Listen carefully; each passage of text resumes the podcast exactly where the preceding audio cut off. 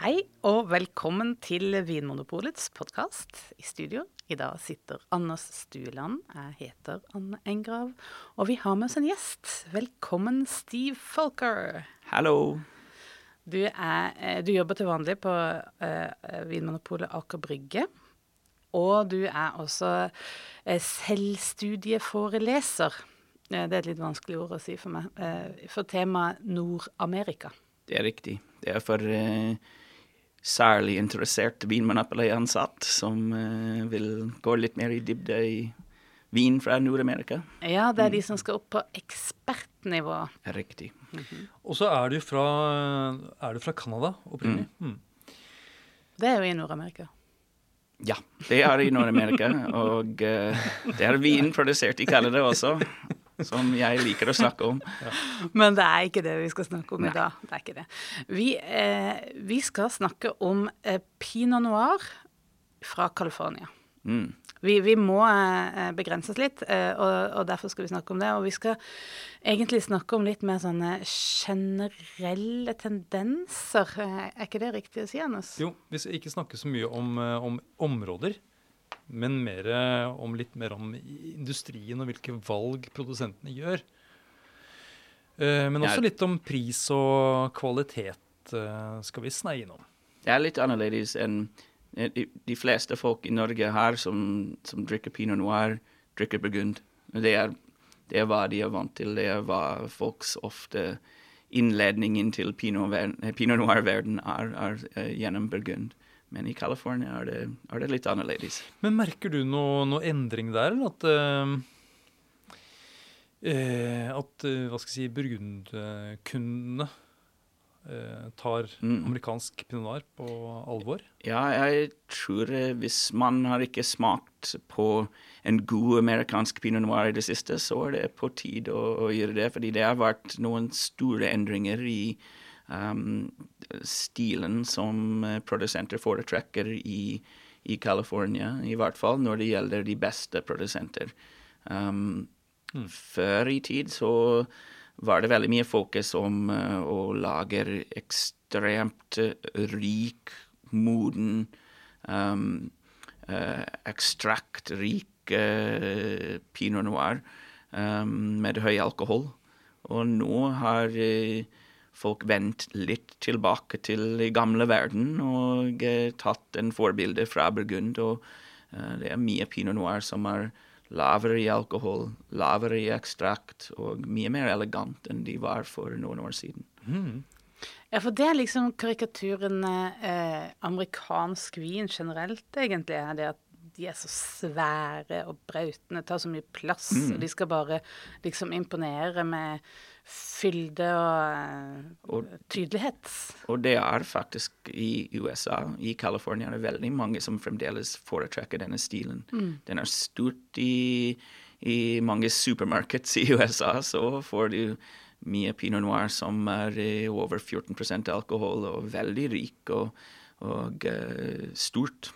Uh, men som sagt, blant de kvalitetsbevist produsenter og de som er eh, litt sånn eh, som følger noen av de nye trender eh, blant informerte kunder, så er det en litt mer restrained stil som mm. er, har blitt populær. Men hvordan er det de oppnår denne nye, litt mer delikate stilen? Hva er det de gjør for noe for å få det til?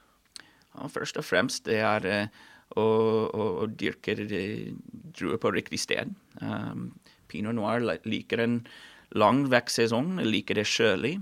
Um, og uh, det er viktig å finne et sted hvor druene trives. Men, men utover det, uh, når det kommer til produsenten sin valg, så er det selvfølgelig um, å, å, høste druene tidligere, um, før de har blitt overmoden. Um, det er en viktig ting. Og en ting som kan skje også, er hvis, hvis man vanner druene, så kan de få druene å henge lenger og lenger og blir enda mer og mer moden hele tiden. Mens eh, hvis man velger å begrense hvor mye vann de druene får, så, uh, så det, blir de fysiologisk moden. Så kan de høste tidligere og få en, en komplett vin fra det. Ja, Men fremdeles med friskhet og ikke for mye sukker i druene. Riktig. Ja. Mm. Ja, for mot slutten av modninga så faller friskheten mens sukkernivåene øker. Da, så. Riktig.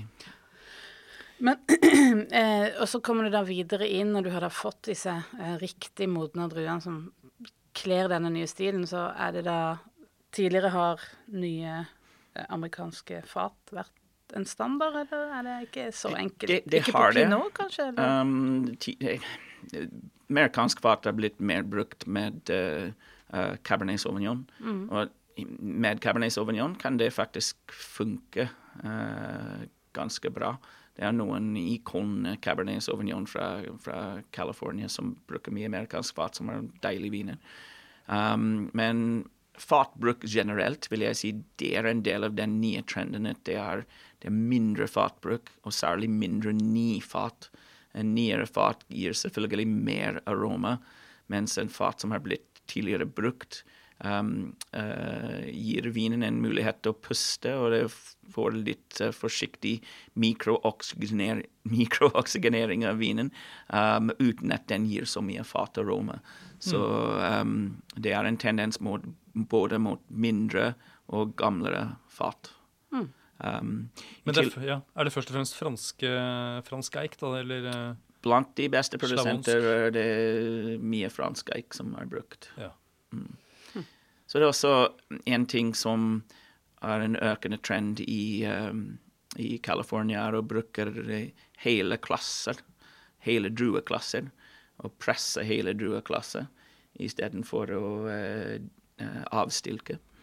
Og hva er fordelen med det, eventuelt? Ja, det, det, det er flere, flere fordeler. Um, en av de første er at når man uh, avstilker, så følger ofte et bitte lite grann av stilken med um, uh, druen.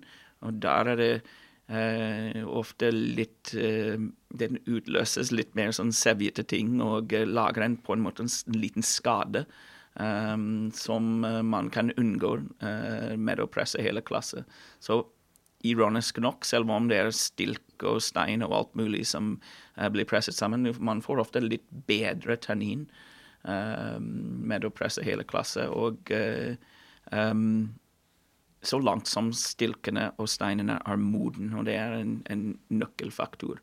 Det er interessant, for det er lett å tenke at når det er mer ja, stilke med, så skulle det begynne å snerpe mer. Men, men sånn er det ikke nødvendigvis, nei. Den, den snerper, men det er en god snerp. Ja. Eh, Det er ofte en ting som når jeg snakker med kunder i, i, på Aker Brygge, så sier jeg at det ikke er så viktig med mengde tannin som det er med kvalitet på tannin. um, folk er Jeg veldig syns det var pedagogisk sagt, egentlig. ja, men folk alltid er veldig raske å se på uh, våre klokkediagrammer, som kan være veldig hjelpsomme, men det er ikke alltid at mengde tannin er eh, det viktigste. Jeg har hørt noen snakke om at eh, ja, bruk av helklasser også kan påvirke aromaen i vinen. At, man, at noen kan kjenne det på noen bestemte aromaer. Ja, Hva er din erfaring der? Har du noe det, det Selvfølgelig, eh, stilk og stein skal ha litt eh, egen aroma, og det, det kan ofte være en veldig um, kan, kan bidra til en litt sånn positiv topptone i vin, som er litt svalere, litt mer urtete, litt mer balsamisk enn eh, um, en du ville få fra en uh, avstilket druer. Så du får litt andre elementer enn bare frukt. Det gjør vinen mer kompleks, og uh, det kan være superbra. Um, dessverre, det er alltid en nedside også, og noen ganger hvis de stilkene og steinene er ikke helt moden, så kan det også backfire litt med eh, for mye bruk av uh, helklasse. Men hvis de får det til, så kan det gjøre veldig mye positivt. Og da kan man jo ikke høste med maskin, selvfølgelig, hvis man skal uh, bruke hele klasser. Da må det gå for hånd. Ja, og generelt generelt det er en annen ting som jeg syns eh, eh, gjør eh, California Pinot bedre til dags, uh, er at det er en veldig forsiktig behandling av druene og pent ekstraherte viner, som, um, som er eh, som Det er bare det beste du får fra de druene. Ja, hva, ja, hva mener du med det når du sier pen ekstrahering? At man eh, presser forsiktig. At at uh, man ofte i mange um, produksjonsfasiliteter så er det veldig mye som gjøres med uh, uh, tyngdekraft. At ting bare renner ut um, istedenfor at ting er pumpet så mye. Um, og så Det betyr at når uh, man får aroma fra drueskall og stein, og eventuelt stein og eventuelt stilk, at det er, uh, det er de peneste deler som kommer med. Ja. Det er ikke for liksom hardt ekstrahert, og det er litt mer delikat, ja. liksom. Mm. Det er uh, bra behandlet. Ja. Min opplevelse av amerikansk vin generelt på liksom litt høyere nivå er jo at de tanninkvaliteten er veldig god, at munnfølelsen er veldig god. Jeg er helt enig. Jeg syns at det er, det er ja, naturlig å sammenligge California Pinot Noir med, uh, med viner fra Burgund. Og jeg tenker i noen tilfeller, og i veldig mange tilfeller egentlig, vil jeg si at tanninkvaliteten er en liten fordel mm. som uh, man kan få fra, fra California. Det er uh, ofte veldig pen og, og, og godt å ha i munnen. Hvis du skulle spekulere, hva tror du er grunnen til det? Altså, De burde jo være like opptatt av tanninekstrahering i Burgund som i California. Jeg tror det handler om prioritering. Mm. Um, eh, de er veldig forsiktige, som sagt, med behandling av druer i California. Jeg tror i, i, um, i Frankrike så det, handler det veldig mye om jordsmonnspreg, om adress, om hvor vinene kommer fra. Og de er litt mer opptatt av å få den type karakter fra vinen. Og hvis det betyr at man må ha med litt mer rufsete tannin, så er det akseptabelt. Mm. og jeg tror det er som sagt, det er både fordeler og ulemper til, til uh, California-vin. Og jeg tenker at den gjenspeiling av adress og plass, ja, der tror jeg at Burgund uh, har en liten fordel. At, det er, uh, at, at du får en litt dypere jordsmonnspreget vin fra Burgund ganske ofte. Mm. Men eh, ja, la oss uh, ta det litt videre, det med hva skal jeg si, California versus Burgund. Hvordan, hvordan, ligger de prismessig, disse California pinolarene, sammenlignet med Burgund? De, de, de, de øker. det er akkurat som i Burgund, de øker. Um, Burgund har hatt noen vanvittig prisøkning over de siste mm -hmm. årene. Jeg syns at California har fulgt med, men kanskje ikke på helt det samme grad.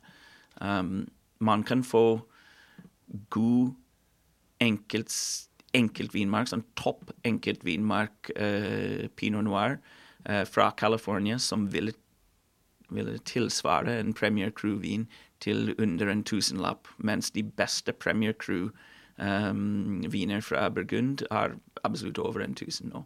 Mm. Så det er dyrt, ja, men jeg tenker at California har, uh, kan konkurrere veldig bra. Og for min del, jeg personlig kjøper veldig mye California-vin i et sted mellom 400 og 600 kroner. Og der er en liten sweet spot, spør du meg, hvor jeg, jeg tenker at de, de, er ofte veldig gode. Mm. De, er verdt, de er verdt pengene, liksom. Jeg syns de er verdt pengene. Ja, så, så Hvis du velger riktig der, så kan du kanskje til og med finne noe som er, nærmer seg topp kvalitet i, eh, i, den prisklassen? Ja, hvis ja. du finner riktige vinene. Og uh, det, det, har vært akkurat som i Burgund, det har vært litt forsyningsproblemer i det siste. At det er, det er lite vin tilgjengelig.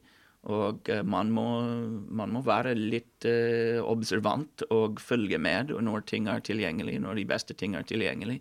Og når muligheten er der, bare uh, kjør på. Fordi de, de, er, de, har mangel av vin der også. Mm. Og de har et stort hjemmemarked som også begynner Absolutely, å bli ja.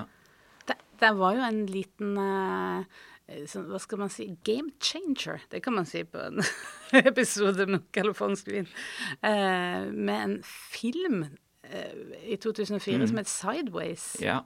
Hva var effekten? Det hadde en sånn pinot noir-effekt etter den filmen? Um, hovedkarakter i Sideways var veldig sånn poetic og beskriver hans uh, forelskelse med pinot noir. Og uh, dermed ble veldig mange amerikanere også forelsket i pinot noir. Og jeg hørte at året etter dette filmen så pinot noirs salg økt med en hel 18% bare basert på, på denne filmen. Så det har hatt en, en veldig stor effekt om uh, uh, det lokale marked for pinot noir. Så ja, det er mye, mye konkurranse her i Norge for å få de gode viner. Mm. Eh, men altså, for å snakke litt mer om det med pris og, og kvalitet. I Burgund så er min erfaring at uh, de litt rimelige burgunderne de er kanskje fruktige, nesten litt mot sånn undermodne uh, i karakteren. Mm. Og så, etter hvert som du beveger deg oppover i pris, så, så blir det gjerne mer fatpreg. Uh, og de har høyere konsentrasjon og kanskje litt mer preg av noe mer moden frukt også. Er det noe er det noen endring i stilen etter hvert som du øker prisen på California Pinot Noir? Hmm. Godt spørsmål, for jeg tror det er nesten motsatt på en måte i, i, i California. Fordi det er, det er, lett å få moden druer. Um, det er lett å få eh, sånn masse druer som er moden. Det er mindre uh, Det er vanskeligere å få uh, druer som er riktig moden i California. Um, så mange av de litt større kommersielle aktører som produserer vin i California, og der er det mange av også, um, de kan produsere pinot noir som er moden, gjerne en god del fat, og um, uh, ganske enkel, men veldig lett å, uh, lett å like uh, til lav priser. Men ikke så veldig interessant på de måter som vi har snakket om. Det er ikke noe helklasserfermentering uh, der, det er ikke uh, Og det er ganske tydelig fatbruk. Uh, mens når de går opp i pris, så er de litt mer forsiktige om når de høster de druene. Litt mer forsiktige å behandle de druene, og der får de litt mer delikat viner. Så det går mer på nyanserikdom, at de er mer delikate i stilen? Absolutt. Når du går opp i pris. Mm. Ja. Det er interessant. Og så har jeg lagt merke til, og du har også nevnt at dette med enkeltvinmarker, det er jo noe som er sånn veldig innarbeida i Burgund. Der har man til og med et sånt hierarki med, med Premier Cru og Grand Cru-klassifiserte vinmarker. Mm. Det har man jo ikke i, i USA. Men, Ik ikke offisielt. Nei, men, men det har blitt en både interesse i markedet, men også mange av produsentene velger også å sette enkelt vinmarksnavn på, på vinene. Gjør du ikke det? Ja, absolutt. Og særlig hvis de er vinmarker som um, er på en måte Premier Crew eller Grand Crew via word of mouth, som er litt uh, av en faktum i, i California. Det er vinmarker som mange kjenner til som er god for pinot noir. Og uh, de, de, de, kunder som er mest informert, går ut etter disse vinmarkene. Mm. Og uh, de er gjerne i områder som er perfekt egnet for denne druen. Mm. Men er det sånn at uh, hvis du finner en pinot noir fra USA der det står enkeltvinmarksnavn på etiketten, er det en garanti for kvalitet? Er det en offisiell klassifisering eller offisiell liste over sånne enkeltvinmarker? Nei, det er, ikke, det er ingen offisiell klassifisering. Men med noen vinmarker det er, de er ikke så superstore vinmarker, og det er ikke så veldig mange produsenter som deler det. Og de produsenter som deler de, noen av de beste vinmarkene, er alle gode produsenter. Um, så med noen vinmarker så kan du være rimelig sikker på at du får en god vin fra dette vinmark. Um, det større det vinmark, det mindre sjanse du har om å få gode viner, på en måte. Så på den måten så var det litt det samme som Burgund. Um, men uh, det, er, det, er, bestemte navner på vinmarker. Sanford and Benedict vinmark i Santa Barbara, som er en supervinmark. og uh, man kan tenke om Savoy vinmark oppe i Mendocino, som er et supervinmark for pinot noir. Um, men der er det ikke, ikke så mange produsenter som har tilgang til de druene. Mm. Ja, Apropos tilgang til druer. Eh, hvis jeg hadde vært en, eh, en, eh, en, ung mann i California og hadde lyst til å begynne med å lage pinot noir, men jeg har ikke noen vinmarker, eller har ikke arvet noen vinmarker, eller sånt, hvordan skulle jeg gått fram? Hvordan etablerer man seg der? Vinmark er ekstremt dyrt i California, akkurat som i Frankrike. Um, så man kan, det som veldig mange gjør når de begynner, å bare rett og slett kjøpe druer. Man kan kjøpe druer fra et vinmark som man vil ha druer fra, og som er god. Um, og på den måten uh, lager en god vin fra det. Um, eller man kan leie vinmarkene. Det koster litt mer, men så når du leier et vinmark, så kan du også ha litt mer kontroll over hva som skjer i, uh, i vinmarken. Og så er det andre produsenter som blir enda mer kreative. Um, jeg kjenner til en historie om et, et, et, vinmark som er drevet av et litt eldre par som ikke hadde kapasitet til å jobbe i vinmarka lenger. Så kom et par unge gutter og sa vi kan gjøre den heavy lifting og jobbe i vinmarka og gjøre den fysiske arbeid, men etter vi har gjort det, så vil vi gjerne kjøpe de druene til en lavere pris. Og det ble en veldig god arrangement, fordi de fikk toppkvalitets uh, pinot noir-druer til en, en, god pris. Så det er, uh, det er, måter å komme rundt det, men man må være litt kreativ. Mm. Fordi det er dyrt å kjøre, kjøpe vinmarker? I, uh, veldig dyrt, ja. ja. Særlig i de mest ettertraktede områdene. Mm. Så det er mer liksom Altså mindre sånn tradisjonelle måter å organisere på som vi kjenner fra Frankrike eller Italia, med sånn at du eier en gård og en vinmark og mm. lager vin. Du kanskje kjøper druer, eller du kjøper kanskje I California så er det veldig mange som eier vinmark, men ikke produserer vin. Mm. Um, det, er, det, er, ganske vanlig. Og så enten selger de uh, druer eller leier deler av vinmarken. Leier parseller i vinmarken. Det mm. er uh, Og du kan til og med kjøpe druer og leie vin makeriet. ja. Noen uh, viner som jeg har uh, smakt på her i Norge og likte veldig godt. Jeg ble litt overrasket da jeg dro til California, og så skal jeg møte de folk som lager de vinene, og så var det i en ganske anonym lagerbygning i et, et annet by. Det er hvor uh, vinen lages, men uh, druene kommer fra et helt annet sted.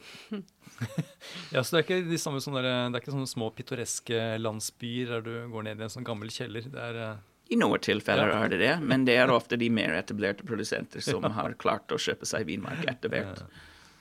Ja, så det er litt forskjell på sånn eh, vinmakerbesøk, sånn vinprodusentbesøk også, da, når du kommer til USA. Da er det liksom en annen er det mer sånn åpent og hjertelig, sånn som jeg ser for meg at amerikanere er? Jeg kan ikke telle hvor mange ganger jeg har blitt tilbudt å spille sånn horseshoe-casting.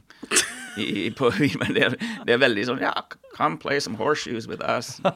Det er, veldig hyggelig. Veldig, veldig hyggelig å besøke folk der. Og um, jeg, får også inntrykk at folk er ganske ærlige.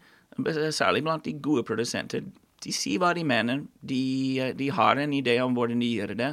De er, de er veldig opptatt av um, hvordan de blir sett i forhold til europeiske viner. I mange tilfeller så er de veldig glad i, i god burgund og gode europeiske viner selv.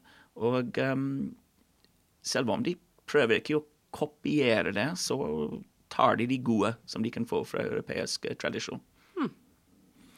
Eh, og en ting vi er vant til å snakke om i eh, Europa, er jo årganger. Fordi det er litt sånn marginale klimaer, og det kan mm. være Skal spille oss et puss.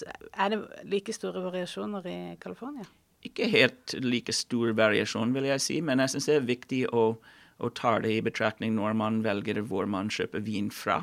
Fordi noen ganger kan du ha en årgang i Europa som kanskje er problematisk, og samme årgang i California er super. Jeg tenker litt om 2018, som mange vil eh, beregne som litt på den varmere side for uh, god pinot noir fra Burgund, mens i California er det, er det generelt tenkt om som en tipp topp årgang. Mm. Um, så 2018, uh, eh, noen tilfeller fremdeles i markedet her i Norge, og det er en, en veldig god årgang å kjøpe. Um, så er det 2019 som man kan få mye av nå. Um, der var det større mengder vin tilgjengelig. Um, og uh, 2019 har også god kvalitet, helt på nivå med 18, men god kvalitet. Og her er det igjen det er ikke sånn store forskjeller i de to årgangene. Begge var ganske varmt. Men uh, igjen, i de, i de kjøligere områdene så fungerte det veldig bra. Ja, for det er vel jevnt over ganske varmt, og du har liksom innretta ja. deg for å deale med den varmen? Ja.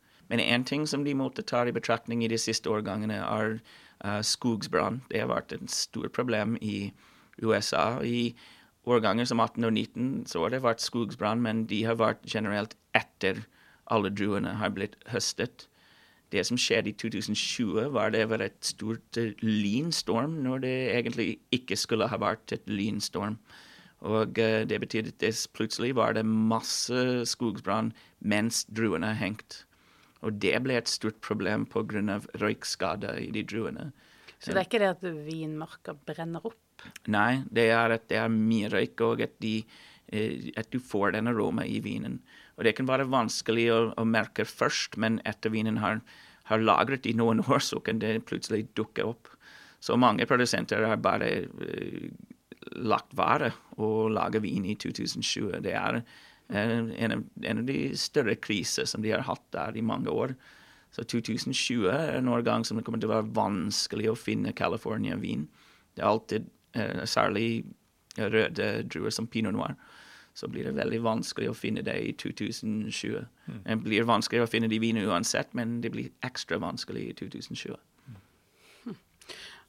Og vanning er kanskje også vanntilgang er også kanskje noe de sliter mer med nå? De, de, betaler mye for vann, ja. og i mange tilfeller så får de en slags allokering av hvor mye vann de kan bruke.